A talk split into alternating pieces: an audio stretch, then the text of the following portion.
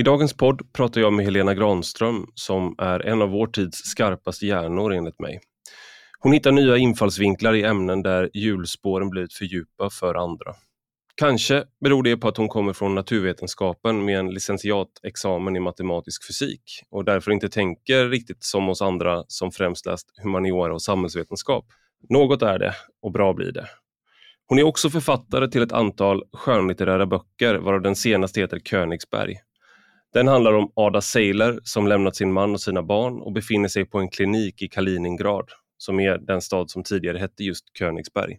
Hon har fått de nies vinterpris och Harry Martinson-priset för sitt författarskap.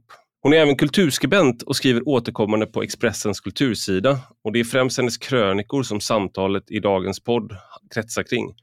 Det handlar om kön, genus och trans som även i frågor jag har skrivit om om den kvinnliga orgasmen som hon har skrivit om och varför hon identifierar sig mer med gubbarna i metoo och om känslors förhållande till rationalitet och mycket mer.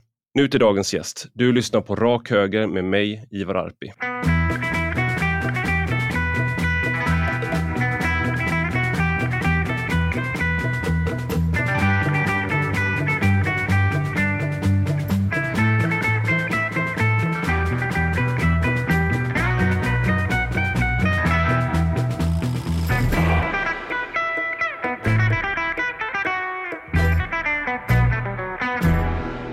Välkommen Helena Granström till Rak Höger. Tack. Det är väldigt roligt att ha dig här av flera skäl. Eh, ett skäl är att du har skrivit om frågor som intresserar mig väldigt mycket. Eh, och då tänker jag på, ja, egentligen tänker jag på kön, trans, genus, allt det där som jag var helt inne i när jag skrev min förra bok som alla som lyssnar på den här podden är jättetrötta på att jag nämner genusdoktrinen med Anna-Karin Windal. Och då så var du en av de där som hade skrivit om de här frågorna i Expressen på Expressen Kultur eh, och varit eh, liksom, ja, den som det blev väldigt mycket debatt kring. Men till skillnad från när det blev debatt kring mig så kändes det inte som att du fick riktigt samma... Alltså du sa ungefär samma saker men det kändes inte som att du fick den här rollen som, eh, jag vet inte, transfob eh, och kvinnohatare och liksom antifeminist eller sådär. Utan, men jag, nu jag, påstår jag massa saker om det. Jag tänkte att vi skulle börja egentligen då med eh, transdebatten. För du skrev tidigare, eh, eller för ett år sedan ungefär, om ett lagförslag som lades fram då, eh, där det skulle bli enklare för personer som är minst 12 år att byta juridiskt kön. Eh, och då skrev du, rubriken är Lagförslaget innebär en helt ny definition av kön. Mm. Om jag minns rätt var innebörden av det här lagförslaget just att man separerar det biologiska könet helt från det juridiska könet. Och jag måste säga att alla de här, jag, transfob var, var nog någonting som jag kanske visst blev stämplad som, tror jag. Det var ju en, det som man inser ganska snabbt tycker jag när man ger sig in i den här typen av frågor, att det är en oerhört ideologiserad form av debatt. Jag tänker att du kanske kom in i den från ett lite mer ideologiskt håll jag gjorde väl bara delvis det. Jag, jag, vill nog tänka att jag kom in i den från ett ganska naivt håll.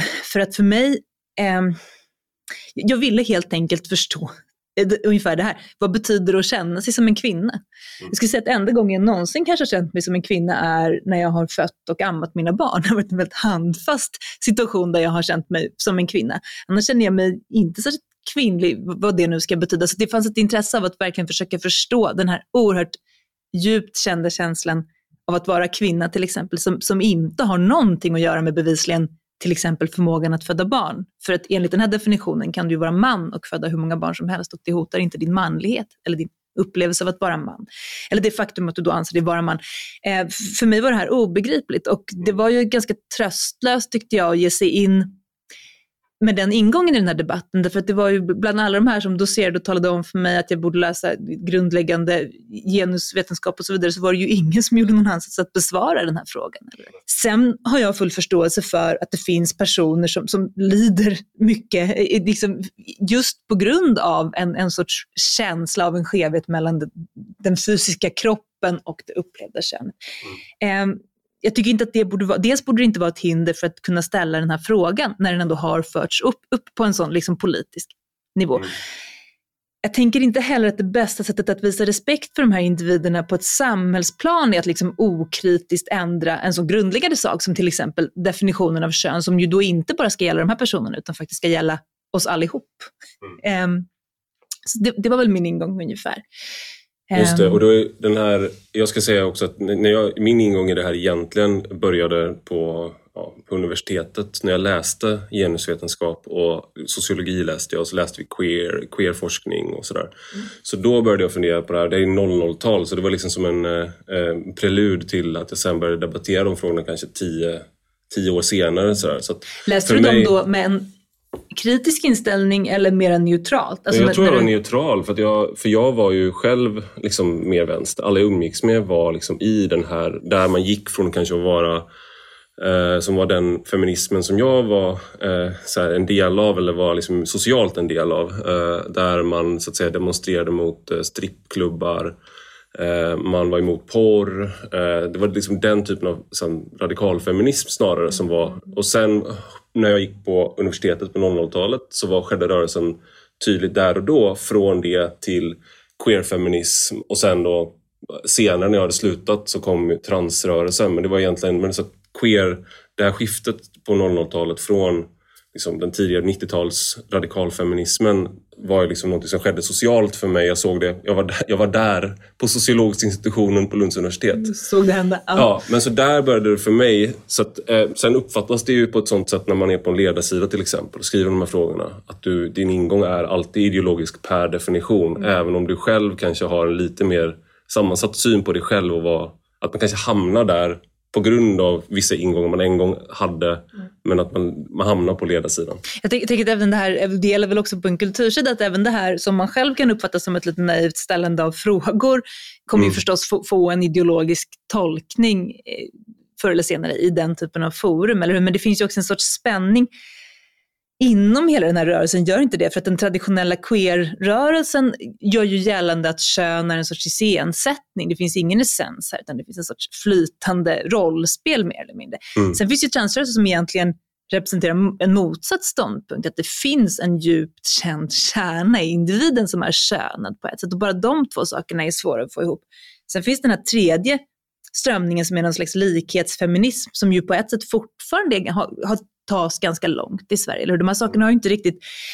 Jag tänker att de här transrättighetsivrarna kanske ofta är samma personer som förespråkar en väldigt långt dragen jämlikhet i föräldraskapet till exempel. Och så där. så jag tycker också att det finns, det finns en diskussion här som, där man skulle behöva där det vore intressant att bara försöka jämka ihop de här perspektiven. Det måste finnas en sorts helhetssyn här som går att få ihop. Jag har inte riktigt lyckats förstå vad den är. Nej, det, för det är just det att om du är för, menar att män och kvinnor i grunden, biologin är inte så annorlunda mellan oss att det borde ge utslag i våra beteenden till exempel. Det här är väl ungefär den linjen som Kajsa Ekis Ekman har i sin bok. Ja. Att hon, hon menar att liksom, ja, det finns biologiska män och kvinnor och, liksom, men, och gruppen kvinnor, biologiska kvinnor förtrycks i en könsmaktsordning av gruppen biologiska män. Ungefär. Och om vi då säger att män kan vara kvinnor, kvinnor kan vara män så försvinner, så grumlar vi synen för den här fundamentala politiska verkligheten. Och därför så gör vi oss själva som kvinnor, feminismen, jag är en del av det, eh, så gör vi oss en otjänst genom det här. Och därför menar hon att transfrågan är på något sätt en konservativ backlash mot den feministiska kampen för lika rättigheter. Jag slutade lyssna nu förlåt, och började skratta för att jag kom att tänka på någon sån helt fantastisk episod som hon återger i sin bok, den här om könets existens heter den va? Ja. En man som utger sig för att vara kvinna som i något skede slår ner någon gammal dam och så blir det en stor, kommer du ihåg det här, en stor rörelse för, till stöd för honom. Och på, på något vis så hotar han de här personerna som, eh, som kritiserar, mig, jag kommer ihåg det här vagt, men, men, i alla fall så hotar han dem med tillmälet. Om du inte tycker att jag är en riktig kvinna kan du suga min kuk din jävla fitta. Eller något sånt där som en sorts ja. bild av, av hur den här, precis, hon lyfter fram, den där boken är problematisk tycker jag, du har läst den också. Ja, absolut. Um, det var de första texterna på äh, Rak Höger här, handlade om den boken så att folk tyckte att Jag visste inte att det skulle vara eh, liksom, eh, typ ståndhöger eller någonting. Det handlar bara om liksom, genitalier och liksom, om kön. Så jag trodde det skulle vara politiskt. Så Jag ja. tror att jag har kompenserat för det i efterhand och skrivit om politik men det var väldigt mycket om Kajsa Ekman och ja. kön och trans i början. Nej, men det, är, det är en bok som försöker diskutera väldigt många olika saker. Den försöker liksom diskutera könsvårdens behandling av ungdomar, barn och ungdomar med könsdysfori till exempel, hur man ställer den typen av diagnoser. Och sen gör hon ju den poängen som jag också har försökt göra, som har att göra just med det. Vad betyder det egentligen att känna sig som en man eller kvinna? Är inte det en djupt essentialistisk syn som står i väldigt akut konflikt med den här mer likhetsfeministiska idealet som vi har liksom ägnat det senaste seklet åt att verka, verka för på något sätt. Hon kanske har en mer okritisk inställning till den rörelsen än jag. Men, men det spelar nästan ingen roll. Utan man måste ju, det intressanta som jag tycker är att så hur får man ens ihop de här perspektiven? Mm. Men hon, och dessutom har hon ju svårt det, det, och det är lite svårt. Så här måste jag säga, jag, när jag läste den boken så tänkte jag, hon, har, hon är kanske lite för raljant. Hon kanske skulle hålla tillbaka, hon har nog ganska rolig humor. Hon kanske borde hålla tillbaka den lite. Hon är ganska rolig. Hon är, hon är hon borde extremt, hålla... hon är liksom en, eh, en politisk underhållare. Alltså det säger jag verkligen, det är svårt att vara för politik är så dödande ja. trist många gånger.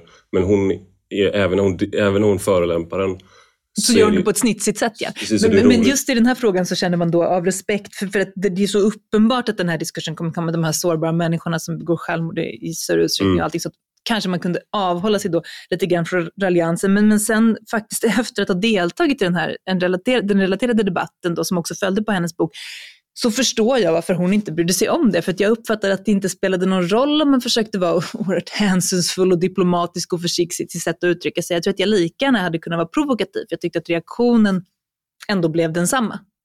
Det vill säga, det blev inget riktigt samtal. Och, och det var jag, tror ganska... att det, jag tror att det är dubbelt där. Och jag tror att de som uppfattar den som antingen är du med eller emot, de struntar i om du är artig eller inte. Så ja, där, där är du helt rätt.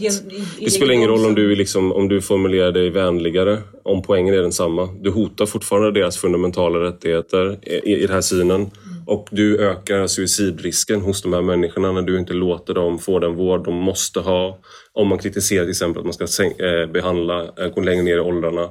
Uh, och, och, och, om du öppnar upp för att det finns liksom någonting som man kan kalla för biologiska kvinnor så drar du bort det som de känner att de, hela deras liksom, livsluft, allting som de kämpar för bara undandrar du i någon slags privilegierad position som biologisk, som cis-kvinna då. Ja, och, och då spelar det ingen roll hur man... Hur man än lindar in Exakt. Det, Men jag tror att mottagaren där, det finns olika mottagare. Och någonting som jag har... Eh, jag har träffat ganska många transpersoner på senare år mm. som har läst det jag skrivit om de här sakerna.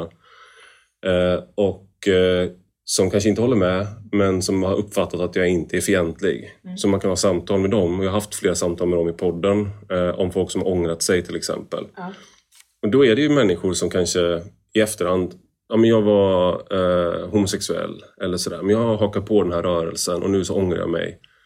Men de vill inte heller, eller någon som, ta en person som eh, eh liksom har bytt från, eh, eller har gjort en könskorrigering eller bytt och kommit på att jag var nog homosexuell. Och det finns ju sådana vittnesmål, men det är fortfarande så att den personen kan ha en, en solidaritet med många av de här transpersonerna som leker med könsroller. De är fortfarande queer, så att säga. Mm.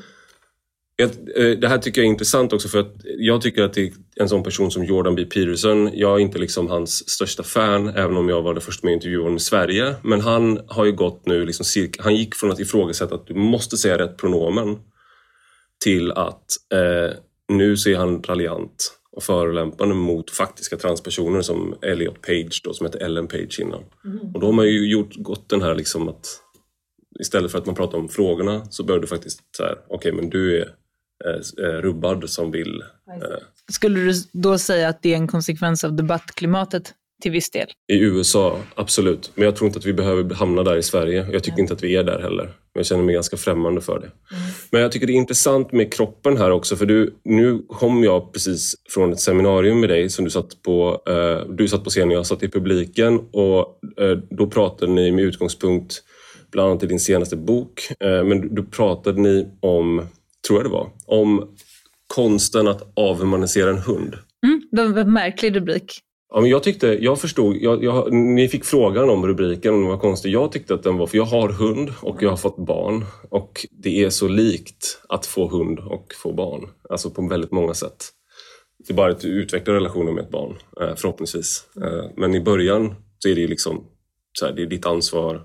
Och har man aldrig tagit ett ansvar för någon annan än sig själv och knappt det, som jag hade när jag fick hund, så är det väldigt, man övar. Så här. Men det är ju någonting med ditt skrivande som handlar på något sätt, som jag tycker går, går, går igen i eh, frågan om trans eh, och, och, och vad det innebär att vara kvinna. Eh, så här, någon slags rörelse tillbaka till kroppen liksom, är det, är det en, ett eh, korrekt sätt att här, försöka förstå sig själv utifrån vilken biologi man har mer än liksom att... Du får ändå säga att det är helt fel.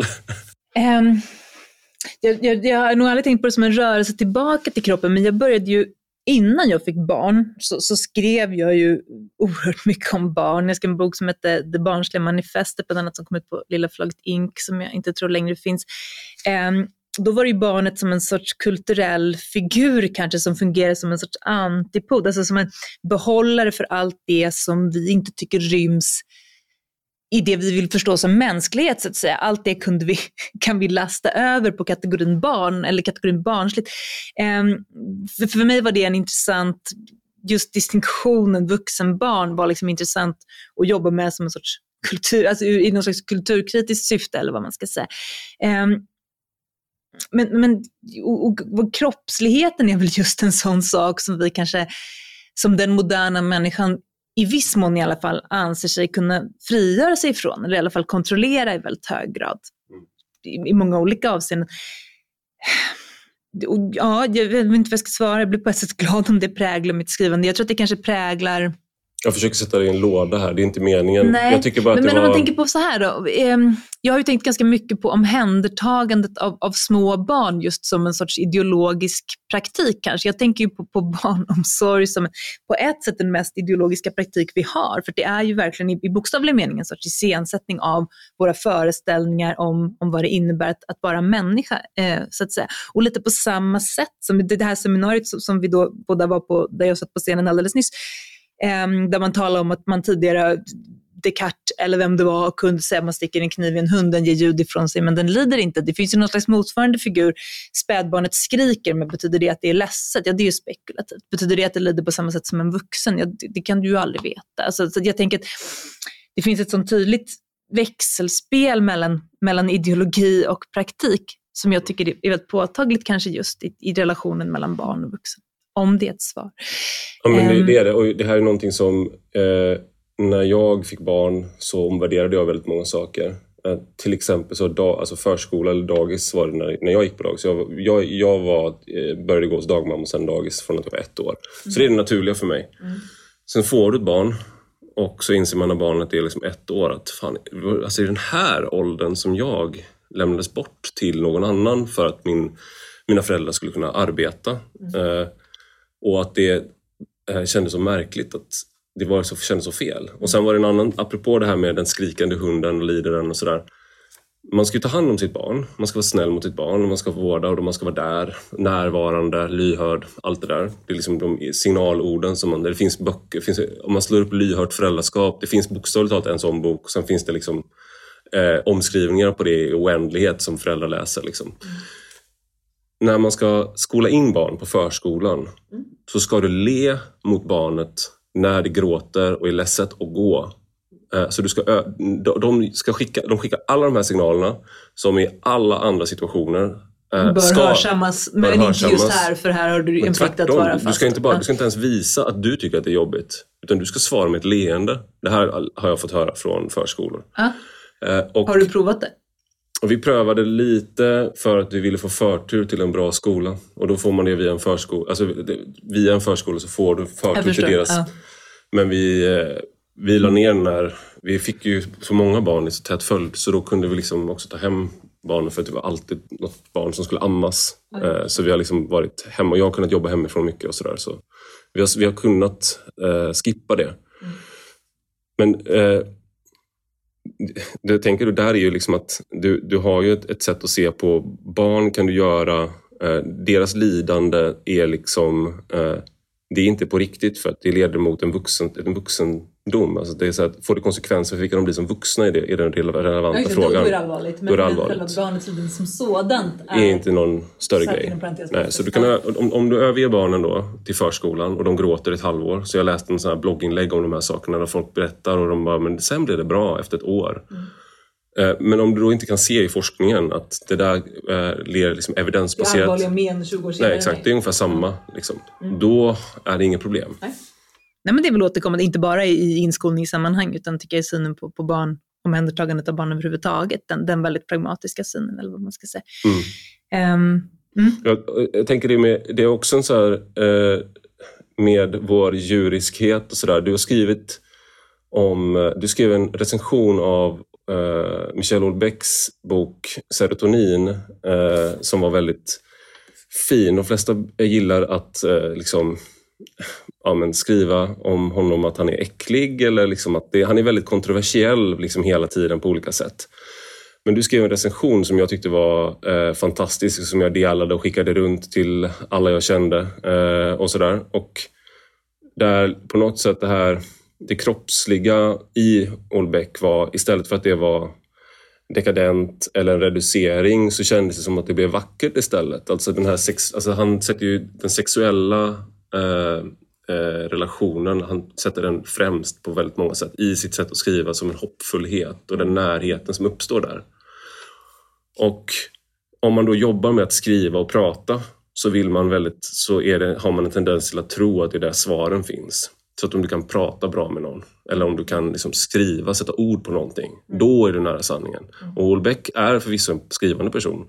Men det du gjorde där var, var någonting som jag det är därför jag menade att, Det var därför jag försökte få dig till att sätta dig i lådan, att du försöker gå tillbaka till kroppen. Ja, men just den texten som, som inte bara var en recension av serotonin faktiskt, den hade Nej. kanske precis kommit, tror jag, inte på svenska än, men den hade varit ganska nyutgiven då. Och sen ja. så, då satt jag en sommar och läste hela hans författarskap och det handlade om någonting som jag själv tyckte mig förstå. Han, han har ju formuleringar som, dels så skulle jag ju säga att han har utvecklats i sina senaste böcker nu till en form av kärleksprofet. Om man tidigare har sett honom som en sorts misogyn pornograf så har han ju så uppenbart det blir väldigt svårare och svårare att läsa honom som en sådan tycker jag. Jag tycker att det har varit svårt att läsa honom så från början men nu tycker jag att det är väldigt uppenbart att man bör läsa honom på ett annat sätt. Men han, motsättningen mellan ömhet och erotik är ett av vår tids mest motbjudande påhitt. tror att han har en formulering. Han, han ser ju också på han har en sorts bild av liksom den sexuella njutningen som en sorts eh, mänskligt utdelad nåd nästan. Han har liksom en sorts kristen vokabulär kring det här. Men det som jag tyckte var intressant var att jag hade nog precis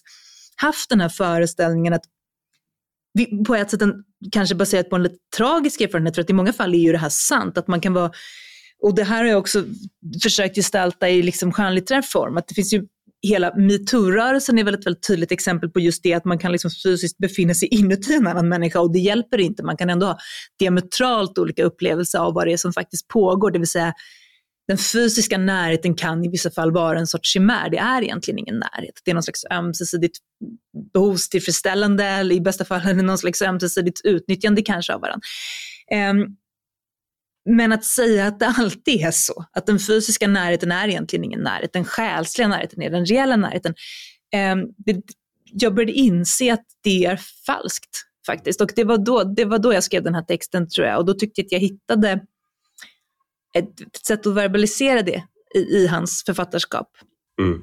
Jag tänker att den handlar precis om det. Jag tänker, hans, hans äckel inför när det bara är det här. Alltså det är det pornografiska Ja. Det, är ju liksom, det är ju inte av slump som han beskriver det så, utan det är ju för att det framkallar ett sånt äckel hos honom. Att, att det är så vi behandlar varandra i det här samhället. Så han drar det till sin spets, så uppfattar jag det lite grann. Just det här när du släpper den här tanken på eh, romantik eller kärlek, mm. ömhet till, till den du delar eh, när, fysisk närhet till. Mm. Då, blir vi, då reducerar vi oss själva till eh, det som han beskriver. Och sen har han beskyllts för att tycka att det är... Jag tycker motsatsen egentligen. Ja, precis. Hans, ehm, det är väl i elementarpartiklarna som han liksom skildrar på ett oerhört brutalt sätt den sexuella revolutionens konsekvenser där, där barnet liksom mer ligger i sin egen avföring på golvet medan föräldrarna knullar i sängen. Alltså det är liksom, han har ju en väldigt hård fördömande syn, så på det viset är han ju snarare en, en romantisk moralist skulle man ju säga. Mm och, och, då kanske också mycket mer relevant än vad, än vad man oftast vill göra honom. Men och det här det kroppsliga ligger väl liksom också ganska nära känslan, eh, skulle jag säga, när, i det här... Jag, jag tror man kan säga så här, jag har ju också en, en sorts vetenskaplig bakgrund. Jag är fysiker och matematiker från början och sådär. Um, är du både och? Eller, jag, eller, kan, en, eller kan, du säga, för jag, jag läste på din Wikipedia-sida mm. som du avrådde ifrån ah. och det stod att du uh, hade en, en, en LIS i matematisk fysik. Jag tror att formellt sett är min LIS i matematik och min magisterexamen i teoretisk fysik. Ja, så du det, kan säga att du både är matematiker och fysiker? Jag det tror perfekt. det. Fast eller så är jag bara charlatan på det här laget för det var väldigt länge sedan jag lissade. Ja, men det, men, det viktiga är att man, har, att man kan bevisa, att man kan belägga. Jag har, jag har, jag har det svart på vitt ja. i någon bemärkelse. Det, det, jag tycker att den vetenskapliga beskrivningen av människan blir ju allt mer liksom allomfattande, eller hur? Allt mer mm. anspråksfull. Vi har en ganska fullödig beskrivning av människan som är baserad på, på det vetenskapliga synsättet och själva den vetenskapliga metodens signum är ju att den beskriver människan utifrån. Eller hur? Det är det som gör det så svårt eh, för vetenskapen att till exempel beskriva ett fenomen som medvetandet eller subjektiviteten, för det är någonting som bara kan beskrivas inifrån. Några sådana medel har inte vetenskapen. Den, har, den kan beskriva vilka signalsubstanser som produceras i hjärnan när du är kär, men den kan aldrig beskriva, eh, den kan aldrig besvara frågan hur känns det att vara kär? Så att säga. Eh, och det är som att någonstans i takt med att det här paradigmet har blivit allt mer, liksom med fog har blivit allt mer dominant, så kan, tycker jag att en relevant fråga som jag också har förhållit mig till och som på något vis relaterar till det här med kroppsligheten, vad, vad händer då med känslan? Mm. Um, och det som jag tänker är händer med känslan, för vi, ingen kan ju påstå att känslan är underordnad i vår samtid. Den är ju snarare på ett nästan infantilt sätt liksom uppförstorad. Hela den, här. den omedelbara behovstillfredsställelsen som en sorts liksom, nästan politiskt ideal är ju ganska dominant. Men, men det jag tänker är intressant är inte den här omedelbara känslan, utan snarare hur utvecklar man en kapacitet att förhålla sig till känslan som en källa till kunskap? Och jag tänker att det kanske är den förmågan som vi har, har tappat lite grann och som jag tror att jag på ett personligt plan också hade tappat. Mm. Det vill säga att länge kunde jag nog tänka saker som allt skulle vara bra om det, allt är ju egentligen bra. Varför känns det så dåligt? Att känslan var liksom någonting som man, något, något lite oönskat som egentligen inte hade, kunde ha några sanningsanspråk eller kunde lära mig så mycket om världen. Mm. Det var någonting som förändrades faktiskt när jag fick mitt första barn. För det var första gången jag upplevde att det fanns en sån oerhört tät och stark koppling mellan å ena sidan vad jag kände var rätt och å andra sidan vad hon behövde. Det var som att det, det, det uppstod, och det här är också någonting jag har skrivit om och varit upptagen av, frågan om ömsesidighet så att säga. Och där tyckte jag att jag kunde få erfara verklig ömsesidighet. Det var, vad jag kände var rätt hade verkligen en direkt koppling till vad hon behövde just då. Och då var jag nog ganska extrem, för jag släppte ju nästan inte henne tror jag de första veckorna. Och sen var det så här, men plötsligt, det, var, det positiva med det här var ju att det skedde en sorts utveckling. Sen kunde jag lägga ner henne fast jag ville fortfarande hålla handen på henne. Sen kunde jag, efter ett tag kunde jag lägga ner henne och gå ut ur rummet, fast liksom inte två rum bort. Utan, så successivt så var det som att min, den här oerhört starka känslan av vad som var rätt och fel, um, det var som att den växte och utvecklades i takt med henne. Jag vill bara säga att det var inget, jag tycker inte att det där var evidensbaserat agerat av dig. Nej, det låter ju lite så här i efterhand som en sorts psykos. Men, och, det, och det är väl det som är, kanske... ja, men det, det är ett så typiskt begrepp för att det är ju, det är ju en, när vi misslyckas med att vara maskiner, mm. alltså när vi misslyckas med att vara på ett äh, jämna och när vi misslyckas med det mm. så är vi, drabbas vi av, då har vi drabbats av någon typ av störning. Mm. Så det där är ju en typ av störning i jämvikten för att du helt enkelt sidosätter egna behov och alla dina vanliga vanor. Du ändrar hela ditt beteende och hade du gjort det utan den här liksom, interventionen då, för att prata vetenskapska, mm. eh, som en bebis är, så hade du kanske haft den. Alltså, ja, då hade jag om det hade varit ett gosedjur, ja. liksom, då hade det varit helt uppenbart att det hänt något. Liksom. Mm. Eh, men det där var ju, vi, vår, yngst, vår äldsta dotter föddes en månad för tidigt och det var väldigt kritiskt. Och hon, liksom, eh, när hon, kom, hon var väldigt liten, hon var väldigt smal, hade inte fått något eh, bebisfett Nej. alls. Sådär. Eh, så hon var liksom lika lång som en vanlig bebis, nästan. Men Fast hon alldeles var tunn. alldeles ja. tunn, så hon kunde inte hålla egen kroppsvärme. Och hennes hjärta stannade framför mig när jag var, de bar in henne i Eh, ett annat rum för att kontrollera henne där man kan göra det snabbare och då stannar hjärtat och jag märker att sjuksköterskan som är med mig, hon får panik. Och sättet hon yttrade på är genom att hon vill ta hand om mig. Eh, och jag är lugn, eh, för att man reagerar olika. Så jag hade kanske kunnat bli liksom panikslagen eller någonting men jag var mer att jag såg bara, okej, okay, vårt barn dog. Liksom. Nu, nu är det så det. Mm. Sådär. Jag såg den liksom, verkligheten så här, etablera sig. Sen kom det här neonatalteamet som är supersnabba och så att det fick, igång och allting. Liksom, så att de fick liksom inga men. Men den, den händelsen och sen att man måste, du måste ha eh, alltså hud mot hud är det enda sättet för en för tidigt född att hålla värmen. En känguru-metod. Exakt, ja. så att jag gick runt med henne hud mot hud. Och min fru, så vi, vi hade henne bokstavligt talat, precis som du säger, vi ja. hade henne inte någon annanstans i eh, flera veckor i princip. Mm. Och sen så hade hon liksom, och det där gör ju också någonting att du plötsligt så är eh, så har, du, eh, har någon, någon flyttat in i ditt huvud och förändrat hur du ser på dig själv, på dina behov. Eh, liksom, det spelar ingen roll. Allting annat blir liksom bleknar. Samtidigt skulle jag säga att för mig, för jag har nog varit på många sätt extrem då i mitt föräldraskap. Jag liksom aldrig till exempel hela mitt liv kört en barnvagn eller använt en napp. Alltså, jag har inte gjort något sånt där egentligen, bara kon konkat runt på dem. För mig har det varit ett sätt att kunna bibehålla någon slags självständighet och, och intellektuell eh, sundhet tror jag. För jag har ju kunnat glömma bort dem. Mm. De, det I efterhand, så här, var de födda eller var de med? Kommer inte ihåg. Det var något innanför Jag kommer inte ihåg om de var födda eller inte. Alltså att jag kunde, hade ju aldrig kunnat glömma bort dem om de låg och sov utomhus i en barnvagn. Så på ett sätt tycker jag att det här som kan framstå som barncentrerat är det kanske i viss mening, men det som kan framstå som fullständigt jag-upplöst och, och barnupptaget, för mig har det nästan varit motsatsen faktiskt. En, um, det mest pragmatiska sättet att, att, ta hand om ett barn. På samma sätt som det är enklare att ligga och sova så här med barnet i armhålan och så får du vakna och snutta om du vill och jag kan sova vidare istället för att gå upp och hämta ett skrikande barn tio gånger på en natt. Alltså det finns en sorts pragmatisk aspekt av det här också. Jag rekommenderar till alla som ska bli föräldrar, om, de, om ni inte redan är det, att göra det. det är, man får sova på nätterna. Verkligen. Alla var så här, får du sova något? Jag har aldrig sovit så gott i hela mitt liv. Um, mm. Men det, det, finns någonting här också. Jag, jag tänker på elementarpartiklarna av Olbeck. Det handlar ju då, den här uppgörelsen med sexuella revolutionen eh, huvudpersonen har med sin mamma och eh, han är själv, eh, hon lämnar honom eh, liksom vind för våg och sådär och han har en uppgörelse med henne, det är väldigt uppslitande. Men han är själv en hemsk människa på många sätt, även om det är en sorglig människa. Sen finns det hans, en vän till honom som har en eh, romantisk kärlek och de är väldigt vackra båda två. Sådär. Men han är en fysiker och det är han som studerar elementarpartiklarna då. Och han, han löser ju ut hela den här saken med känslig, känslosamhet och kroppen genom att människan på något sätt eh, upphör med den romantiska lidelsen. Liksom. Och, och, den här, hans eh, liksom, olyckliga kvinna, då, eller kvinnan som suktar efter honom och som vill ha den här kärleken, får aldrig det från honom. Eh, och det där är ju, du är ju då också fysiker, varför, du borde ju gått åt det hållet tänker jag istället för att återvända till kroppen på något sätt. Åt det, du, du gick åt andra hållet. Ja, precis. Hoppa av universitetet och, och blev en jolmig morsa.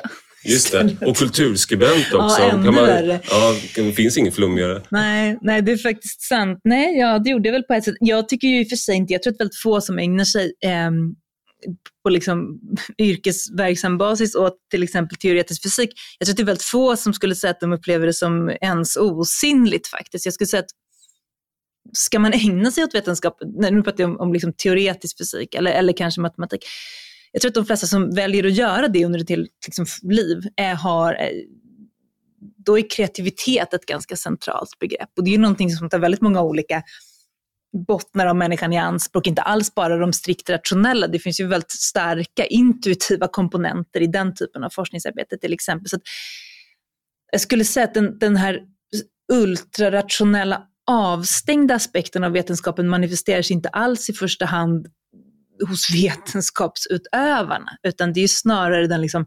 kollektiva berättelsen om människan som vi formulerar som tenderar att bli kanske endimensionell på något sätt. När vi läser den här vetenskapliga berättelsen som om den vore allt som fanns att säga. Vad, vad, är, det vi, vad är det vi går miste om, förutom när vi varit inne på föräldraskap och, och sådär? Är, för det, är det en, vad är det mer vi går miste om om vi blir så att säga, vetenskapsfundamentalister, hur vi försöker förstå världen? Ja, men en sak som jag, som jag kanske sa tidigare, eller, eller började säga i alla fall, det tror jag har att göra med just att vi blir, vi blir utlämnade till paradoxalt nog tror jag vi blir utlämnade till känslan i den, i den mest problematiska bemärkelsen, det vill säga vi har inte längre förmågan att tolka, läsa, utvinna kunskap i våra känslor, utan vi har bara våra känslor, våra nakna känslor. Och de är ju inte alltid kanske det som leder oss rätt, eller hur? Utan jag tänker att det krävs någon slags läskunnighet i relation till den egna känslan för att den verkligen ska kunna vara någonting som leder rätt. Och den tänker jag att vi har förlorat. Den, den, min senaste bok, eh, som, som är en roman som heter Königsberg, den är ju delvis baserad på en, en, kan man säga, ganska smärtsam erfarenhet som jag själv gjorde av att kunna eh, argumentera fullständigt övertygande och rationellt för någonting som hela min varelse kände var fel. Så kan man säga. Den konflikten och, och sen är romanen i sig... Um, Vad var det? Vad var det du argumenterade för? Det, det, vet jag, det, kanske, det vet jag inte ens om jag vill prata om faktiskt. Nej, nej. Men, men, i, men i romanen så, så, tar det sig, jag kan, ska jag säga någonting kort om den kanske? Ja, ändå, absolut, gärna. Den, den, utspel, den heter Königsberg och den utspelar sig i den stad som tidigare hette Königsberg och som idag heter Kaliningrad. Um, och den handlar om en, en kvinna, Ada, som befinner sig på en klinik som man så småningom då förstår är en abortklinik. Och det valet som hon står inför är, ska hon ta livet av sitt ofödda barn eller inte?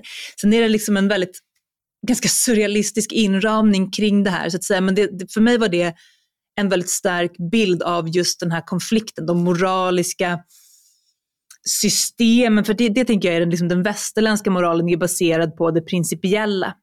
Eh, Immanuel Kant, eh, filosofen, har, kom just från Königsberg. Han rörde sig aldrig mer än 16 kilometer därifrån tror jag under hela sitt liv. Han är en sorts emblem för det här tänkandet där man kan sätta upp en... Men är typ glob, alltså internationalismens eh, fader, alltså det är en kul... alltså han, han, är, han är omfamnad av dem som är väldigt mycket för internationalism. Ja, han har ju också haft en, haft en roll i den här, för här, den här staden har ju varit spelplats för först skulle den vara en fästning för den preussiska anden och sen så småningom skulle den preussiska anden drivas ut och, och liksom Sovjetunionen gick in som en sorts representanter för godhet då de gjorde det genom att gå in och bomba staden och våldta alla kvinnor under 80. Det har verkligen på många Som man sätt... gör, alltså när man vill vara god. Eller hur? Nej, men det har på många sätt varit en sån väldigt motstridig spelplats för, för ont och gott kan man säga. Och det finns en liksom väldigt omfattande vetenskapshistorisk kontext kring det här och också idéhistoriskt. Men Eh, Kant kan, kan, är ju en sorts emblem för den här moralen som system, alltså som nästan matematiskt system där man kan sätta upp allmänna principer som alltid ska vara giltiga oavsett omständigheter och sådär. um, jag, jag, jag, jag har då i den här romanen försökt skriva fram just en situation där det här är plågsamt otillräckligt. Där, den här, där det här moraliska, abstrakta tänkandet helt enkelt leder, leder helt fel. Um, men blir du irrationell? Alltså, upplever du att du har blivit...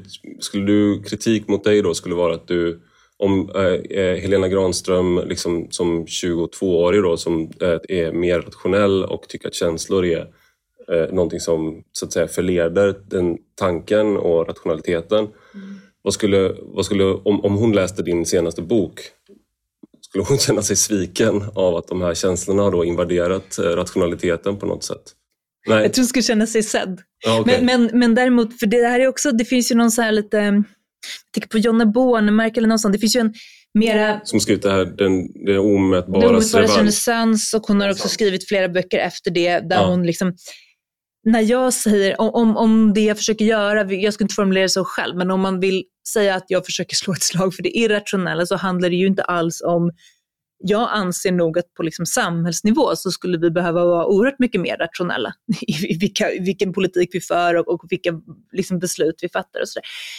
Vad jag tror att jag är ute efter här är kanske snarare har att göra med den individuella moralen eller vad, vad, vad, betyder, vad är en valsituation helt enkelt? Vad är gott och ont i relation till den enskilda människans handlingar? Och, och vad innebär egentligen att fatta ett beslut? Det finns ju liksom ett helt komplexa som kanske också omfattar den fria viljan. Det finns ju en, en, en mängd olika saker som, som jag då tyckte att var intressant att låta mötas i den här romanen. Det är också, förutom att det var hem mot Kant och förutom att Königsberg är känt för att de hade, det fanns sju broar i staden som sedermera bombades, flera av dem, men där invånarna hade ett söndagsnöje som gick ut på att de skulle gå en promenad och de passerade varje bro exakt en gång och inte mer än så. Just, och det var omöjligt. Det var omöjligt visade sen Leonard Euler då och, och la därmed grunden för grafteorin. Men det var också här som matematikern Kurt Gödel la fram sitt, det första av sina två ofullständighetsteorem. Som ju, om man lite slarvigt uttryckt, det, det är ju väldigt, saker om väldigt specifika matematiska system som omfattar aritmetiken och sådär. Men lite slarvigt uttryckt kan man säga att det handlar om de formella systemens otillräcklighet, de formella systemens oförmåga dels att bevisa alla sina utsagor med, med hjälp av sina egna verktyg, men också varje sunt systems oförmåga att bevisa sin egen sundhet. Det vill säga det är bara det sjuka systemet som kan, kan framlägga ett, ett fullständigt bevis för sin egen sundhet, eller för att det är konsistent. Så att säga. Det konsistenta systemet kan inte göra det. Det kan inte bevisa sin egen konsistens. Och Kurt Gödel själv var ju en intressant person, för han utgjorde på ett ganska tragiskt sätt en, en, illustration, kan man kanske säga, av sina egna, i alla fall i en skönlitterär kontext kan man tillåta sig att säga det, att han, han utgjorde en tragisk illustration av, av sina egna logiska matematiska insikter, för att han var just djupt paranoid. Han dog också, han, han, han överlevde de sista åren genom att hans fru provsmakade. Han trodde att han skulle bli förgiftad av olika gaser men också av maten. Så hans fru fick provsmaka all mat för honom. Sen, honom. Sen blev hon inlagd på sjukhus och då svalt han ihjäl. Jag tror han vägde 30 kilo eller någonting sånt. För han vågade helt enkelt inte äta. Hur bevisar man att en paranoid vanföreställning inte är sann? Det, fin det, finns inget sånt. Eller om man börjar misstro det egna omdömet. Mm. Jag övertygar mig själv om någonting, men tänk om jag själv är sjuk? Hur ska jag någonsin kunna övertyga mig själv om att grunden för mitt resonemang inte är sjukt i sig. Och det kan jag aldrig. Så det, det är någonting som jag försökt komma åt i den här romanen som har att göra med den klaustrofobiska instängdheten i de formella systemen. Mm. Vilket låter abstrakt och delvis är abstrakt, men för mig var det baserat i en, en ganska stark personlig upplevelse. Och det är väl kanske egentligen enda rimliga grunden att skriva en roman, tror jag. Att man har en stark personlig upplevelse som inte kan verbaliseras så lätt? Det är, jag gör direkt eh, eh, tänker på en bok som har kommit nu uh, av Lena Andersson som var här i podden nyligen om sin senaste bok Koryféerna som handlar om Palmemordet. Mm. Och eh, jag vet inte om du har hunnit läsa den? har jag inte hunnit läsa. Nej. nej. Och där är eh, premissen är att en journalist, då är det liksom lättmaskerat. Alla, alla verkliga personer är sig själva. Ja, men jag läste recensioner av den. Ja, det finns... Mm. Ja, så att, men det, Premissen är att en journalist får, upp, liksom får ett, ett, jobb att han ska skriva om Palmemordet och han tänker göra det med lätt. Han är en ironiker som är skeptisk till liksom allting du inte kan belägga. Ockhams rakkniv är det enda liksom, som han tror på, det vill säga sök inte någon mer komplicerad lösning än den, den troliga. Liksom. Mm. Eh, och sen så får han tillgång då till en säkerhetsman som vet allt i princip om Palmemordet. Mm. Eh, och det är där då spekulationerna från Lena Anderssons sida tar vid. Mm. Men det hon gör då, det är ju också att visa att det finns, du kan inte förlita dig på fakta för att det är hålen mellan fakta som är det som är intressant med Palmemordet. Mm. Och det är ju egentligen en självklarhet, det vill säga varför äh, agerade de som de gjorde? Vi vet, vi vet bara de här, vi har bara de här datapunkterna mm. och i de här äh, hålen så finns det saker vi måste söka svar på. Men det kan vi inte göra med någon liksom, vetenskaplig metod riktigt utan vi måste veta varför människor agerar som de gör. Vi måste ha människokännedom. Och den här journalisten vägrar acceptera den här berättelsen från den här säkerhetspersonen. Det känns för att det går sorts... rakt emot liksom, hela den journalistiska metoden. Mm. Och han är bara, men ni journalister, ni, ni kan inte förstå världen för ni måste hela tiden ha era små eh, era små datapunkter. Det känns ju som fakta. en intelligent kommentar till hennes roll i metoo-debatten, eller? Där, ja, hon på ett sätt, där hon på ett sätt överraskade genom att vara den som argumenterade för rationalitetens begränsningar. Ja. Jag tycker att hon har blivit tolkad som en ultrarationalist. Och så var det plötsligt hon som sa, det finns en massa mellanmänskliga signaler som inte är det minsta rationella, som är motstridiga. Man signalerar en massa saker som man aldrig skulle verbalisera eller, eller medge att man ens signalerar. Sådär. Mm. Jag, tycker, jag tycker det låter som på ett sätt tematiskt relaterat. Ja men absolut, och det, det här finns ju i, i eh, också i saker som man aldrig utsäger. Till exempel, vissa saker får du inte säga offentligt även om alla deltar i det. Kvinnors utseende är en sån sak. Mm. Där alla, alla är deltagare. Kvinnor som förmedlar sitt utseende och liksom män som mottagare. Eh, och allt det där är liksom, du säljer saker med det. Filmer säljs på det, liksom produkter säljs med det. Men du får inte säga att någon är vacker. Eller du får inte säga att just idag så tycker jag att den här kvinnan som vi ser varje dag var extra vacker. Nej. Då går du över en gräns. Mm. Du får gärna se det och alla ser det.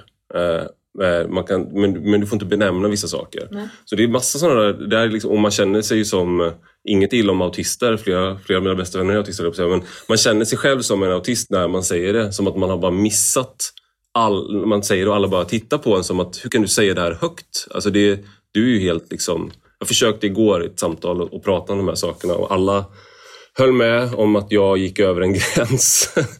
För att jag tyckte att eh, man hade det var märkligt att, att eh, vissa reaktioner på hur Ebba Busch var klädd till exempel var ju såklart, liksom gick över någon gräns. Men det var också så att alla politiker, kvinnliga som manliga, tänker på hur de klär sig. Mm.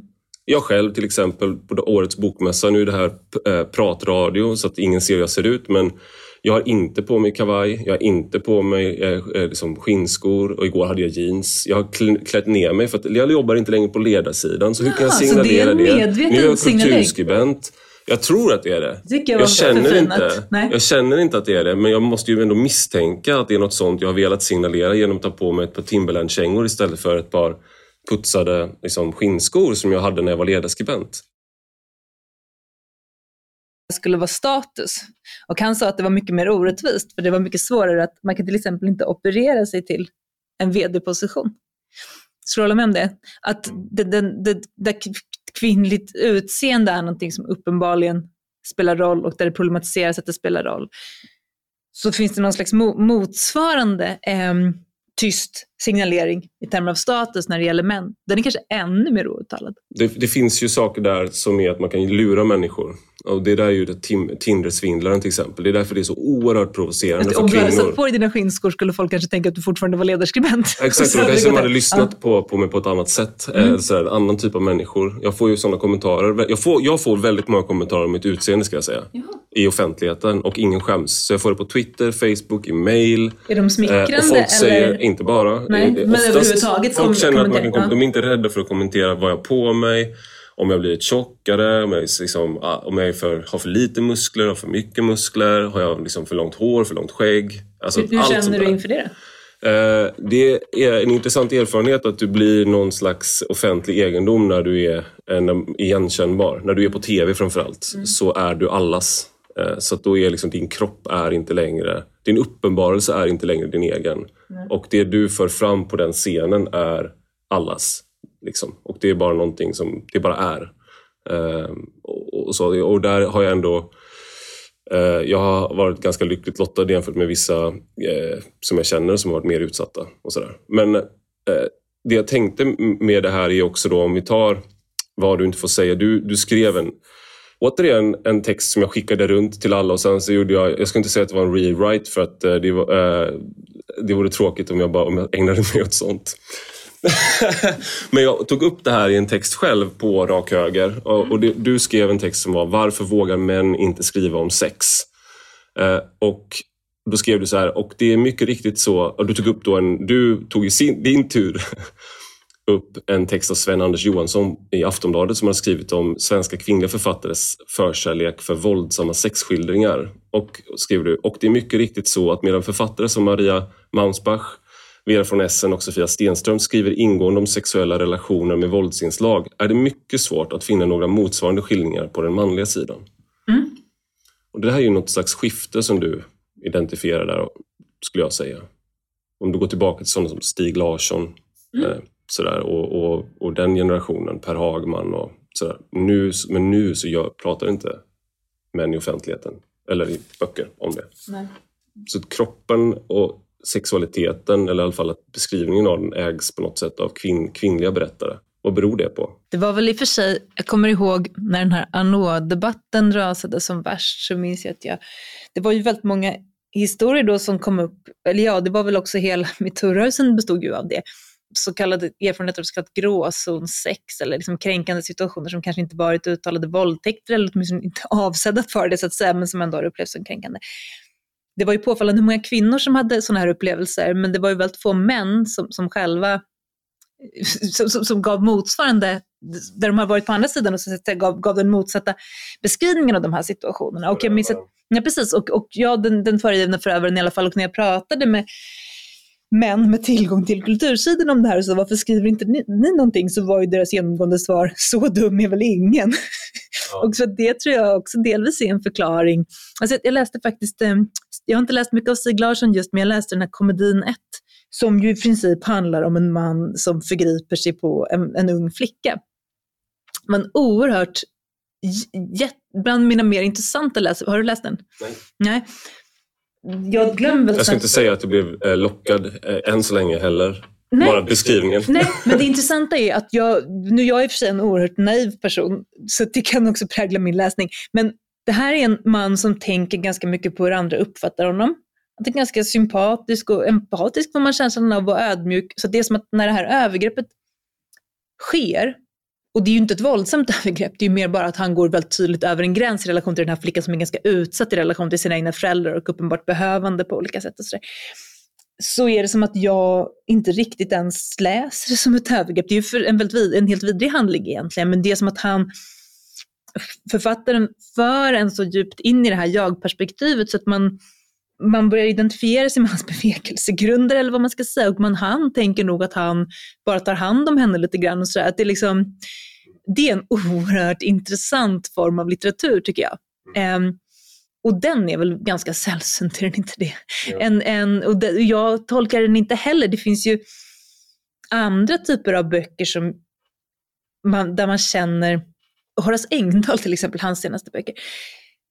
Där har det ju funnits delar där jag känner att han är ju ute efter provokation här. Alltså det vill säga, han skriver om en metamedvetenhet om att vissa personer blir provocerade nu av det jag skriver.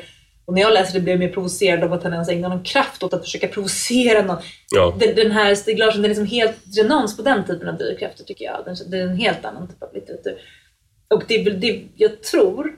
För att det är, så, det är väl egentligen det där som jag uppfattar att du gör och som jag tycker att du missuppfattas ofta i. Eh, det är ju att just om man vill utforska någonting för att det är intressant så uppfattas det ofta som att oh, nu har vi den kontroversiella Helena Granström här, eller något sånt där. Att man söker kontroversen eller söker provokationen när det kanske är provokativt eller kontroversiellt för att det finns en smärtpunkt där som vi måste utforska. För att det är det annars vad har vi litteraturen till eller vad har vi kultursidorna till eller vad, vad, har vi det offentliga samtalet till om, om vi bara skulle prata om att Eh, det är viktigt att vi eh, är snälla mot varandra eller något sånt där. Något, eh, om, om jag fastnar där. Liksom. Om man, är det snällt att, att göra en abort eller är det, är det snällt att, att avstå? Alltså det, det är den där typen av frågor där det blir provokativt men det är ju inte för att man vill att folk ska kasta tomater på en. Nej, men samspelet mellan skönlitteratur å ena sidan, eller överhuvudtaget en litterär kontext. Alltså en utsagas innebörd i en strikt litterär kontext är ju en annan än en utsagas innebörd i ett sånt här samtal till exempel och ytterligare en annan än en utsagas innebörd kanske i en kultursidestext. Och den här,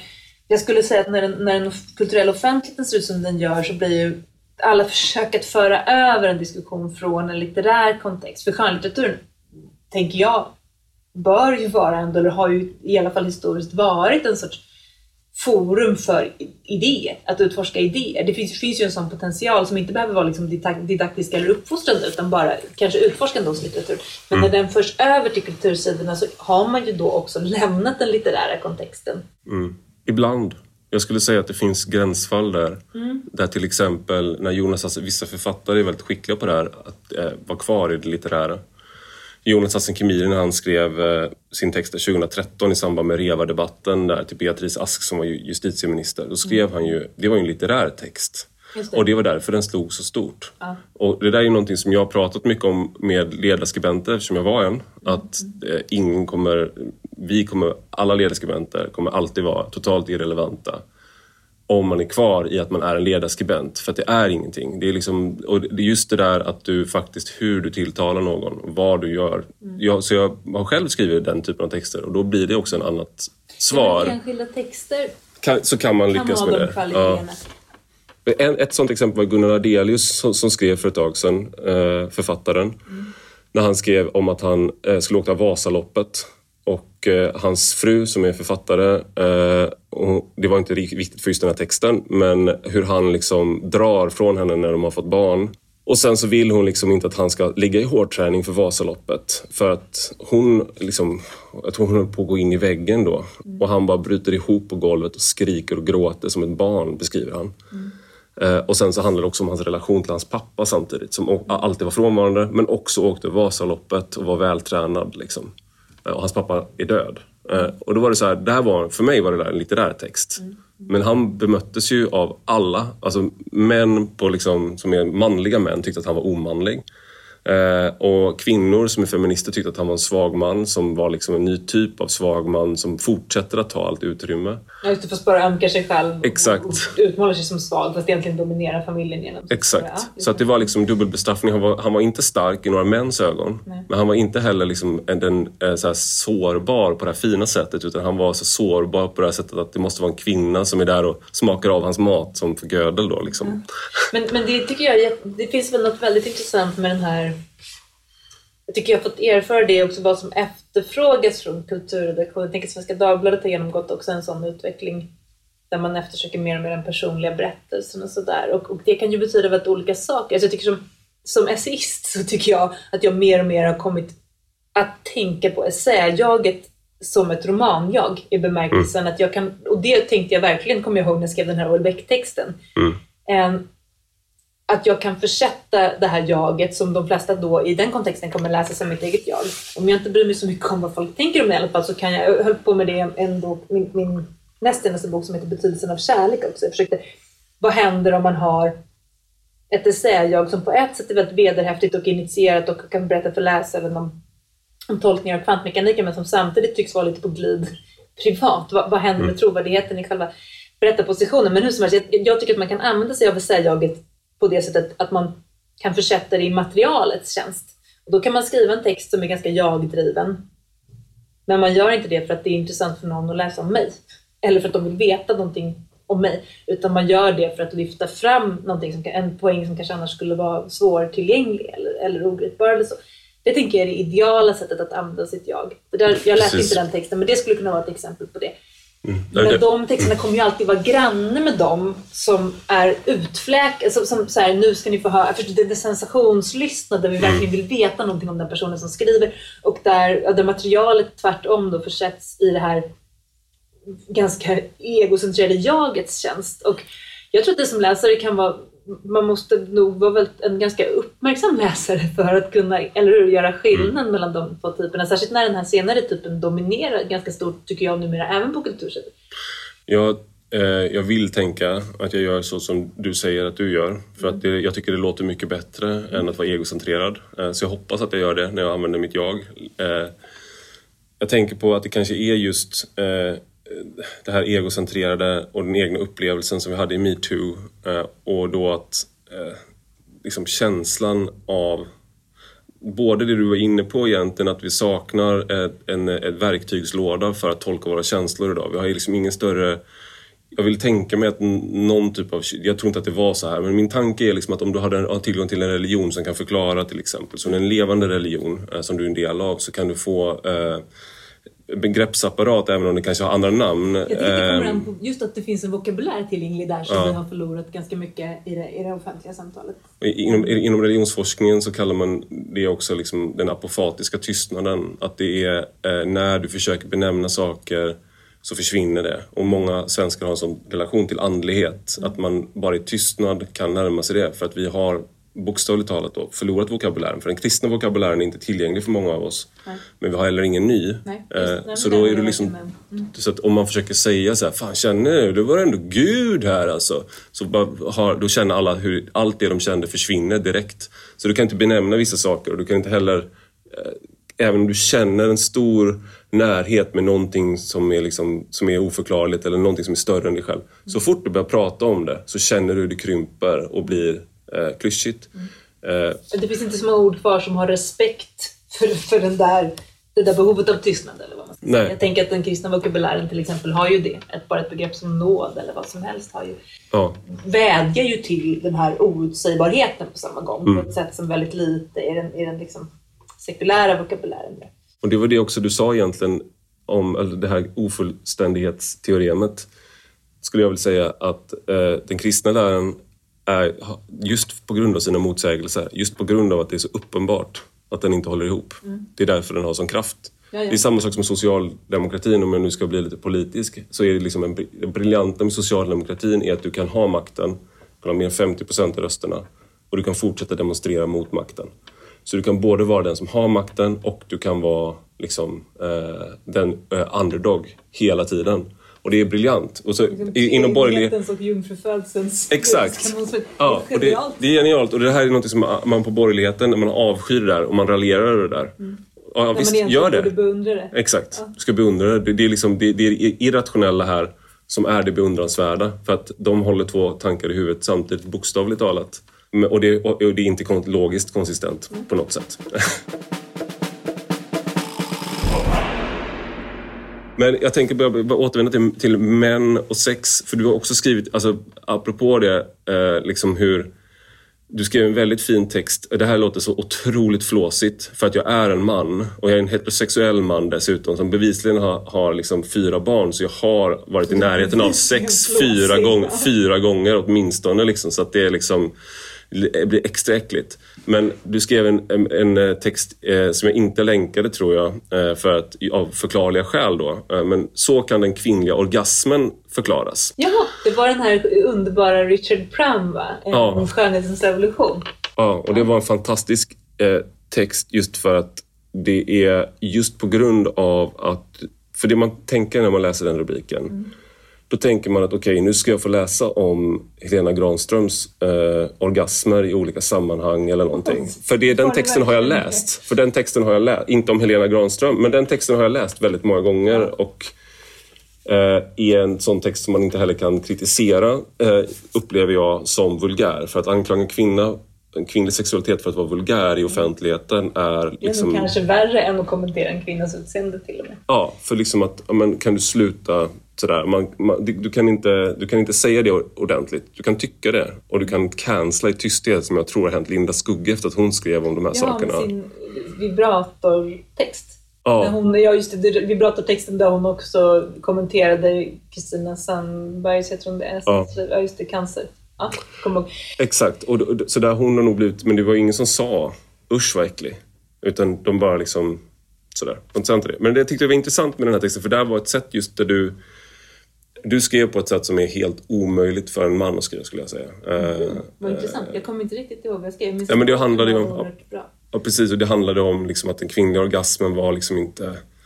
Du skrev här, det var en fin... Eh, att det handlar, det, det, det handlar inte om att liksom, eh, kvinnor ska eh, ja, men ha sex med en alfahanne och sen ha en betahanne som eh, liksom, tar hand om Utan orgasmen var liksom ett sätt, sätt att eh, få... Eh, att just egentligen det som Olbeck, det här var ett annat sätt att prata om det på. Nu är vi tillbaka i ditt seminarium här om djur.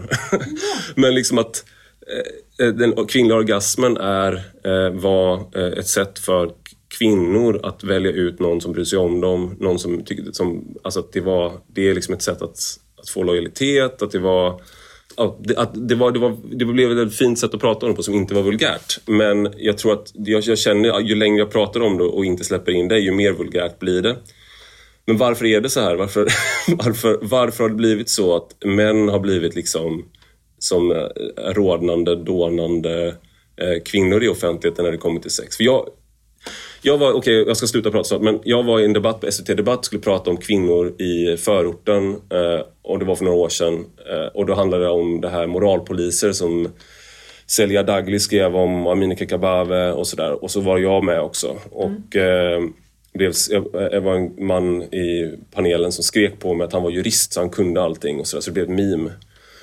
I alla fall, så jag pratade om det. Men då var det också en porrdebatt direkt efteråt. Och eh, jag kände, eh, det var Sara Källner som skulle göra feministisk porr. Just det, med Horace Engdahls son. Ja, var det så? Det visste jag inte. Okej. Ja. Ja. Och eh, Jag jag tror hon glömde gick på. Biskops Arne, tror jag. Eller liksom, hon, var, hon var sådär eh, en, en person, en litterär människa också. Och eh, sen var det eh, Nomi eh, Abramovic som, jag jobb, som var vikarie på ledarsidan då på Svenskan. De skulle debattera det här. Och sen så var det någon från eh, Sveriges kvinnolobby, ordföranden där. Och så ville de fråga om mig och Johan Ingerö då, som nu är riksdagsledamot för, eller blir riks- riksdagsledamot för Kristdemokraterna. Mm. Vill ni vara med? Och ämnet var porr. Ja, och liksom kvinnlig, så här, är det kvinnoförnedrande eller inte? Och, så där. och vi började bara skratta. För att det är liksom så här, Ja, man jag ser... tycker inte det är kvinnoförnedrande. Du kommer jättefina. Ja, jag har kollat på jättemycket porr. Jag kollar på porr varje dag. Jag är ju något av en expert om jag får säga det själv. Alltså, vi börjar skratta för man ser liksom, det är som att någon erbjuder en aktiv dödshjälp. Liksom, vid fel tillfälle i alla fall. Man bara, nej, vi kommer Men inte säga. nej? Men det Jag hade, sa nej hade och- vara med och säga Och de var så, alltså det var så, det de sa i den här debatten, jag tror den ligger på Youtube, det de sa i den här debatten, det var så explicit och liksom att de tog upp massa olika praktiker. Så jag inser att ja, det räcker inte med att jag bara sagt nej till debatten. Jag måste också hålla, eh, jag kan inte liksom låta det synas att jag reagerar på det de säger. För att jag har en tendens till att reagera med ansiktet liksom, så att det syns. Jag har inte pokerface. genom att bli uppsluppen och upphetsad? Nej, nej, utan bara att man, nej, men i en debatter att det syns att jag tycker att någon är liksom, att de har fel. Så att det blir liksom på TV och sånt där, att jag ibland behöver ha bättre pokerface när jag Ja, jag debatterar. förstår. Ja. Så jag visste det, att bara, jag måste hålla f- Så du hade inte pokerface. kunnat sitta och ödmjukt lyssna på deras... Eller så här bara mm, mm. Eller men liksom att bara vad, hur jag än gjorde så skulle jag kunna bli en meme. Jag skulle kunna bli liksom ett kort klipp på Twitter och min karriär skulle kunna vara över utan att någonting har hänt. Apropå, liksom, vad har jag gjort? Ingenting. Eh, Liksom, vad har hänt? Han, var äck, han har äckligt ansiktsuttryck när någon tog upp liksom det här.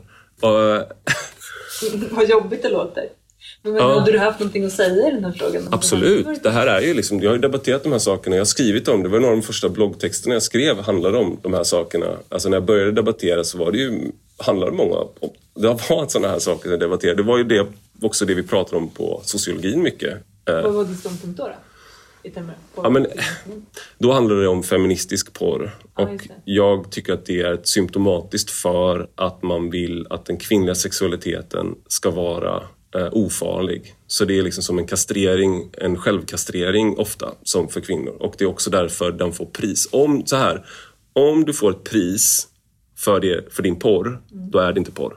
Alltså det, det är ungefär, det är en ganska enkel regel. Jag förstår vad du menar. Men det är väl kanske, är det det? Är det en allmän tendens? Eller det här är min hobby psykologiska analys av Sverigedemokraternas framgång. Som jag tror delvis har med det här att göra. För det finns ju någon sorts godhetsivran, tycker jag, som på ett väldigt ogenomtänkt sätt är liksom inte, ska jag säga, är den dygdeetisk? Den är i alla fall inte orienterad mot hur man handlar så att säga. Om, om man, om, kanske finns det en analogi. Om, om man tittar på till exempel så här, hur ska man, vad ska man ha för invandringspolitik då, till exempel?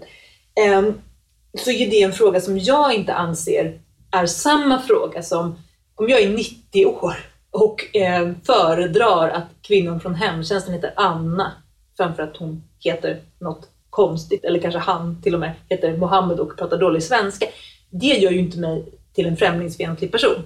Men om jag... Det är inte namnet, jag, bara, jag tycker att det är namnet. Namnet, är ju bara... Men låt oss säga att eh, personen, se- jag skulle nog till och med om jag var 90 år, då tänker jag att man kan tillåta sig att vara lite konservativ och vill att allt ska vara som vanligt. ja. Om det bara kommer någon som ser lite svartmuskig ut och bryter, jag menar sen är det ytterligare ett kan vara ett samhällsproblem om man dessutom inte behärskar svenska så man inte kan kommunicera. Men låt oss Ja. säga att det bara är en ren fördomsfullhet. Jag tycker det är trevligt när allting är vanligt. Estetisk preferens. Till och med det. Mm. Då är ju inte den impulsen i sig kan ju inte riktigt sägas vara på ett politiskt plan främlingsfientlig eller rasistisk skulle jag säga. Den är nog ganska så mänsklig. Om jag sen tar den här spontana preferensen, min spontana estetiska preferens och omsätter den i en, i en, i ett, en nations flyktingpolitik så kanske jag börjar närma mig någonting som bör betecknas som främlingsfientligt. Men jag tycker att det har funnits en debatt kring de här frågorna där det är själva impulsen som stämplas som ful. Det vill säga för att vara god så måste du vara god ner i djupet av din själ. Och jag tänker att kan det finnas någonting motsvarande här? Att den liksom, de sexuella preferenserna är någonting som man i grunden faktiskt inte styr över och som ju ofta liksom har någon slags förgreningar in i just det som är tabu eller, fult eller någonting sånt. Och liksom, Frågan är, det, det, det är en sak att så här, ska vi låta kvinnor utnyttjas i porrindustrin för, för ekonomisk vinning?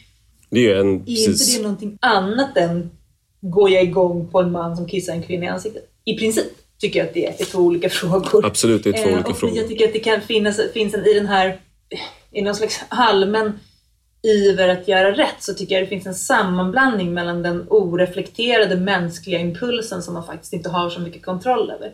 Mm. Och då tänker jag att en person, om, om det då finns en politiker som inte fördömer min fula mänskliga impuls Mm. så kommer jag känna mig mer sedd av den personen än av de som fördömer min fula mänskliga impuls. Eh, jag tycker att nog att det finns ett allmänt problem med att fördöma den fula mänskliga impulsen. Det skulle det kanske kunna vara. Jag, jag tänker väldigt mycket på det, eh, på Jesus här.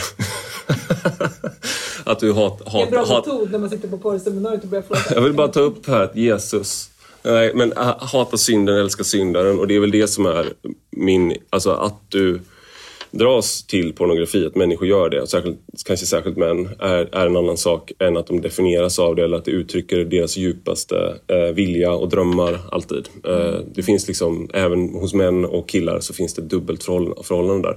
Det jag kan tycka med de här sakerna är väl, med den här frågan, är att vi reducerar eh, män delvis till att ha eh, ibland för mycket makt, agens eh, i de här fallen. Så att de här impulserna till exempel, man lägger in ett motiv och avsikt och en strukturell dimension i det när det kanske bara är en kåt kille till exempel. Eh, och å, å andra sidan att du i liksom, någon slags i motsatt syfte som emancipation för kvinnor så fråntar du kvinnor agens. Och du kan inte heller... Jag var på ett seminarium här på Bokmässan för tre år sedan om manlighet. Och då skulle vi vara moderna män. Då satt alla eh, de andra panelisterna, de presterade liksom tårar eh, över sin manlighet. Eh, och det var Erik Schult och så var det en präst som hette Ludvig och så var det Musse Hasselvall och de hade så otroligt problematiska förhållningssätt till sin, liksom, till sin manlighet och sådär. Och så, så vadå, som en ful och farlig kraft inom dem som Exakt. borde bekämpas eller något? den hegemoniska, det här begrepp som hegemonisk maskulinitet, toxisk maskulinitet och liknande. Och jag eh, uppfattar att eh, för det första så uppfattar jag det som att vi satt där och problematiserade en mansroll där män ska få synas och höras hela tiden. Vadå, vi sitter ju här på en scen fortfarande och ska prata. väldigt Vad har hänt? ja. Nu ska vi gråta dessutom och få applåder för det.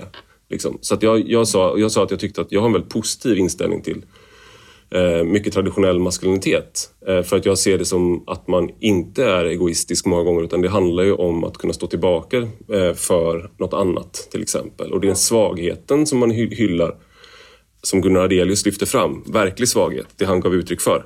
Ingen vill ha. Det var ju det som var grejen. Nej, vill ingen ingen vill ha. Kvinnorna vill inte ha det. Eh, De vill inte ha en man som ligger och gråter och skriker på golvet när man håller på att bli utbränd och precis har fått barn för att han inte får åka Vasaloppet. Nej. Och det var därför jag älskade den texten eh, och högaktade honom för att han skrev den. Eh, Han har berättat att Jo, det är inte den här klädsamma självrannsakan där jag, min man, maskulinitet är så problematisk. och därför är jag bättre. Mm. Eh, utan tvärtom då. Liksom, att det blev, han visade sann svaghet och sårbarhet. Och vi tog emot det på det sättet som man alltid tar emot sann svaghet och sårbarhet. fördömande. Med fördömanden och ogillande och äckel. och det här tror jag är liksom kvinnor då. Det var ju liksom så här, män, vi måste göra om oss själva. Mm. Vi är projektet nu.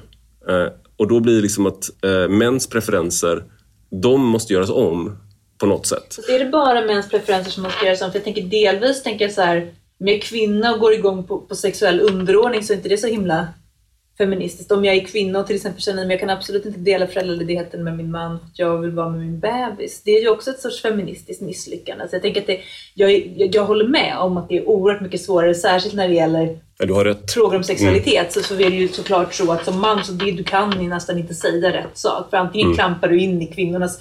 Ska du också hålla på och prata om, ska du dessutom hålla på och yttra om metoo nu när du redan har förtryckt oss i tusentals år? Alltså det finns en sån...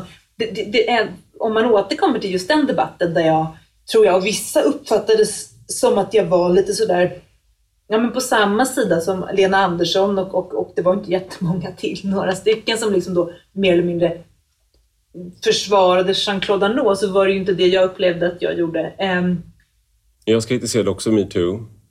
Men jag uppfattade det nog inte, för jag tyckte också att han var äcklig. Och jag sa det, tror jag. det- jag läste ju den domen mot honom. Ja, okej. Och det som var intressant då, jag har ju också, jag hade ju en, en, ett intryck av honom som kanske, kanske också inte var så positivt kan man säga. Men när jag läste den domen så kände jag det finns ju ingenting här som styrker någonting annat än att hon har upplevt det här som obehagligt. Det är ju, är ju styrkt. Men, men det var inte alls det jag skulle säga utan min ingång till den debatten var ju att jag, min första tanke var ju så här. Inte så här, åh det här, så, vilket det har. Men det var inte det jag tänkte. Det här har jag ju varit med om så många gånger som offer. Utan jag kände, gud, tänk om jag har varit förövare utan att förstå det. Därför det finns ju någonting i, i den sexuella lusten som är i grunden faktiskt inåtvänt. Alltså det utger sig för att rikta sig mot en annan person och det gör ju det. Och det har liksom drag av ömsesidighet, men själva den sexuella njutningen måste man ju säga, i den är man ju ganska instängd i sig själv, om du förstår vad jag menar. Det finns ju någonting, en potentiell, för varje person som faktiskt går in i sin sexuella lust och njutning så finns det en risk att man eh, begår ett övergrepp utan att avse det så att säga, för att man inte kan vara liksom, lyhörd i varje stund. Jag tror att det är en väldigt hämmande sak att tänka att man ska, det är nog väldigt svårt att njuta sexuellt om man samtidigt hela tiden måste vara försiktig så man inte råkar kränka någon. Det känns som en, jag har liksom många av de här sakerna som har framställts som problem med männen har jag ju känt, där har jag ju känt men, men hur, transfråga. Jag känner hur, att jag mer har identifierat mig med mannen där. Okay. Jag har... hur, hur kommer det sig? Jag, bara, jag, bara, för jag har en, en av mina bästa vänner, äldsta vänner, hon är bisexuell. Och eh, vi pratade, vi älskade båda eh, sci-fi-serien och hon är också matematiker. Mm. Och doktorerat i det. Men hon, eh, så hon, kan, hon är inte liksom en typisk kvinna i vissa avseenden. Sådär. Mm. Men vi, vi, vi, älskade båda den här sci-fi-serien Battlestar Galactica som gick för ja, nu 15 år sedan eller, eller mer. Och eh, jag pratade bara om de manliga karaktärerna. Sådär. Vi pratade om hur man, sådär, olika karaktärer man identifierade sig med. Och sådär. Det var väldigt länge sedan. Där. Men, eh, och hon sa, varför pratar du bara om manliga karaktärer? Eh, ja, men, liksom, vi pratade om vilka man identifierar men jag, jag, och jag tror att hon faktiskt, eh, att det var så för henne att hon identifierade sig med båda. Alltså hon såg inte riktigt den skillnaden. För mig var det första, vilket är så här, jag vet inte om jag är någon slags könsanalfabet där eller någonting, eller dyslektiker vad gäller könsroller, men det var liksom första gången jag så här, tänkte att oj, jag kan ju faktiskt inte bara lys- alltså, äh, läsa och ta in den här kvinnliga karaktären utan också man skulle kunna identifiera sig med den här karaktären mm. och vara den karaktären. Mm. Det känns otroligt sent att komma på en sån sak. När man liksom men det, var, det slog mig väldigt tydligt då i alla fall. Ja, jag har inte tänkt att det här är ett medvetet val, men jag kände spontant att jag identifierade mig med de här gubbarna. De kanske bara kände sig ensamma. ja, det säger kanske också någonting om ja. min naivitet, men det är inte bara tror jag. Men det präglade nog, um, för jag hade ju, jag menar jag har definitivt erfarenheter tidigare i mitt liv som skulle göra det helt befogat för mig att bara okritiskt vara på den andra sidan. Det är inte så att jag aldrig någonsin har upplevt oönskad intimitet med en man. Men, men det var liksom inte det, det var inte där, det var inte det jag kände när jag, när jag läste de här sakerna. Nej. Men jag tänker det här med, med det, du är inne på med eh, i sex. Eh, så var det här, jag var ju faktiskt, det som gjorde att jag blev har haft möjlighet att sen bli en offentlig person, det var att prata om det. Som var förlagan till metoo. Ja, ja. Och då skrev jag om det där. Och då skrev jag en text som handlade bland annat om eh, kontrollförlust som, som sexuell, eh, att hänge sig och att jag hade svårt med det liksom i, då, när jag var då första, med min första flickvän och sånt där. Det var väldigt utlämnande text och jag är förvånad att inga, inga av mina meningsmotståndare har grävt fram den. Mm. Eh, och sen satt jag i TV och pratade om, pratade om det, var representant för att prata om det i TV. Liksom. Det var en annan tid. Men i alla fall, då handlade det om, för mig, också någonting att det låg så nära våld. Alltså som jag hade mycket erfarenhet av. Ja. Att när du släpper loss våld, när du släpper det, det är kontrollförlust och du är hänsynslös. Det ligger i, sak, det ligger i våldets natur att du är hänsynslös. Eh, och på samma sätt så är sex hänsynslöst upplevde jag. Lust är hänsynslöst. Mm, du menar då att om du skulle kontrollförlusten släppa loss kontrollförlusten i bemärkelsen att då hänger sig åt sin sexuella lust utan att och släppa tanken på konsekvenserna? Exakt, och det är det man, gör, det är det man måste göra om du ska vara i ett slagsmål. Om du inte vill liksom skadas. Ja. Så måste du, du måste släppa allt det här. Annars är man så totalt skolad i att om du går in i någon säger du ursäkta och du, liksom, du, du slår inte den trevliga killen liksom en, på, i ansiktet. Det gör ju ont. Mm. Alltså, du, allt det där sitter så hårt. Det här, du måste... säga, det här är inte en beskrivning för dig av våldsamt sex. Det är en, en nej, beskrivning nej. av en sexuell situation överhuvudtaget. Exakt. Men, men det finns skillnader tänker jag, eller? Ja, det finns, det finns absolut skillnader. Men ligger just den här eh, när du skolar dig själv in i kontroll, eh, som du måste göra för att vara en civiliserad, så är det ju också att vara våldsam eller vara väldigt, väldigt fysisk med kroppen. Det där, alltså, till exempel då, jag, jag, kör, jag tränar en del kampsport och det är väldigt svårt att lära sig sparring. Mm. Det vill säga att du slåss med någon under kontrollerade men former. Det regler. Ja, men, men det är väldigt, väldigt svårt. Ja. För att för en otränad person går väldigt lätt över till riktigt våld när man blir pressad. Ja. Så du slår för hårt. Mm. Så jag råkade bryta näsbenet på Mustafa Panshiri. Eh, sådär. Eh, vilket var väldigt publikfriande för då alla liksom, högerextrema tyckte det var bra att jag slog en invandrare och alla på vänstersidan tyckte det var jättebra att jag slog en polis. Men i alla fall, liksom, det där var ju en kontroll, alltså det var ju misslyckande. Ja. att, att det blev för hårt. Mm. och, och det, där, det där upplever jag, den där, det där finns ju i, i den så här, men samtyckeslagen är en sorts spärrsträvan då, eller hur? För då är det som att man vill komma tillbaka till den normala sociala konventionen. Är det okej att jag lägger min hand på din axel nu Ja, i en sexuell situation. exakt. Eller? Då, det, Och- det är sparring. Och det är där, Ja. ja. exakt, och då är det som att eh, du, du, du tar ju bort det sexuella i sex. Eh, och jag tänker liksom att ingen kan ge sitt samtycke eh, i ett riktigt sex.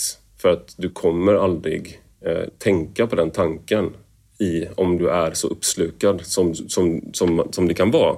Så jag tänker potentiellt sett otroligt många övergreppssituationer som man har varit i då. För att du, är, du kan bokstavligt talat inte vara lyhörd på det sättet. Nej, men det var precis det som jag tyckte var Ja. min paranoida skräck. Ja. Att den känns för mig inte reserverad för män. Nej. Utan för alla som känner sexuell lust och Ja. vill kunna bejaka den. Men vad är den, men har du, vad skulle du säga, vad är då den, finns det någon politisk konsekvens av den här insikten? Eller sexualpolitisk konsekvens? Eller om man, om man ställer det här som du beskriver nu mot liksom metoo-rörelsens ambition och samtyckeslagen och hela den, det sättet att juridiskt förhålla sig till potentiella övergreppssituationer. Vad, vad, vad skulle du säga är, vad är, vad, Jag var, jag var kritisk till samtyckeslagen och skrev mycket om det. Eh, och eh, nu verkar det som att många fler blir dömda.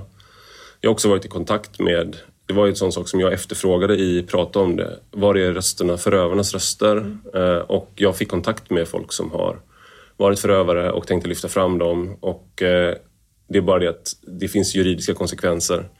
Och det finns också situationer där då kvinnor har eh, inte anklagat offentligt men att det är, finns en, en sexuell tändning i vissa av de här sakerna. Eh, som, som gör då att du kommer, eh, du kommer hela tiden ha de här situationerna kommer konstant uppstå för sex, sexuella... Jag tänker att det vi vill med samtyckeslagen, det vi vill uppnå nu, det vi kämpar mot nu, är det som den här fysikern i elementarpartiklarna vill uppnå. Vi vill egentligen avskaffa den här kontrollförlusten och liksom vi vill avskaffa att vi är djur. Vi vill avskaffa det smutsiga, det ofullständiga i oss själva genom sexualpolitik. Och genom att vi utser några som särskilt eh, förtappade. Just det. Och, och det, ditt budskap är att det kommer ändå inte lyckas. Nej, Nej. Och, men förmodligen kommer vi bli olyckligare på kuppen för vi missförstår oss själva. Och nu avslutar jag med att prata. Det var väl bra? Ja. Ja, Stort tack. Tack. Stort tack Helena Granström för att du var med i Rak Höger. Vad kul. Det var väl kul? Ja, väldigt. Och stort tack till dig som har lyssnat. Gå gärna in och skriv en recension på Apple Podcasts eller i den app där du lyssnar på podden. Och detta är alltså en del av en större publikation på Substack med samma namn som podden. Och den som prenumererar där kan även ta del av de texter jag skriver. Gillar man det man läser och hör får man gärna bli betalande prenumerant för 5 euro i månaden eller 50 om året. Då får man ta del av lite exklusivt extra material också. Du hittar rubbet på ivararpi.se. Och har du några frågor eller synpunkter kan du alltid mejla mig på ivararpi substack.com. Vi hörs igen.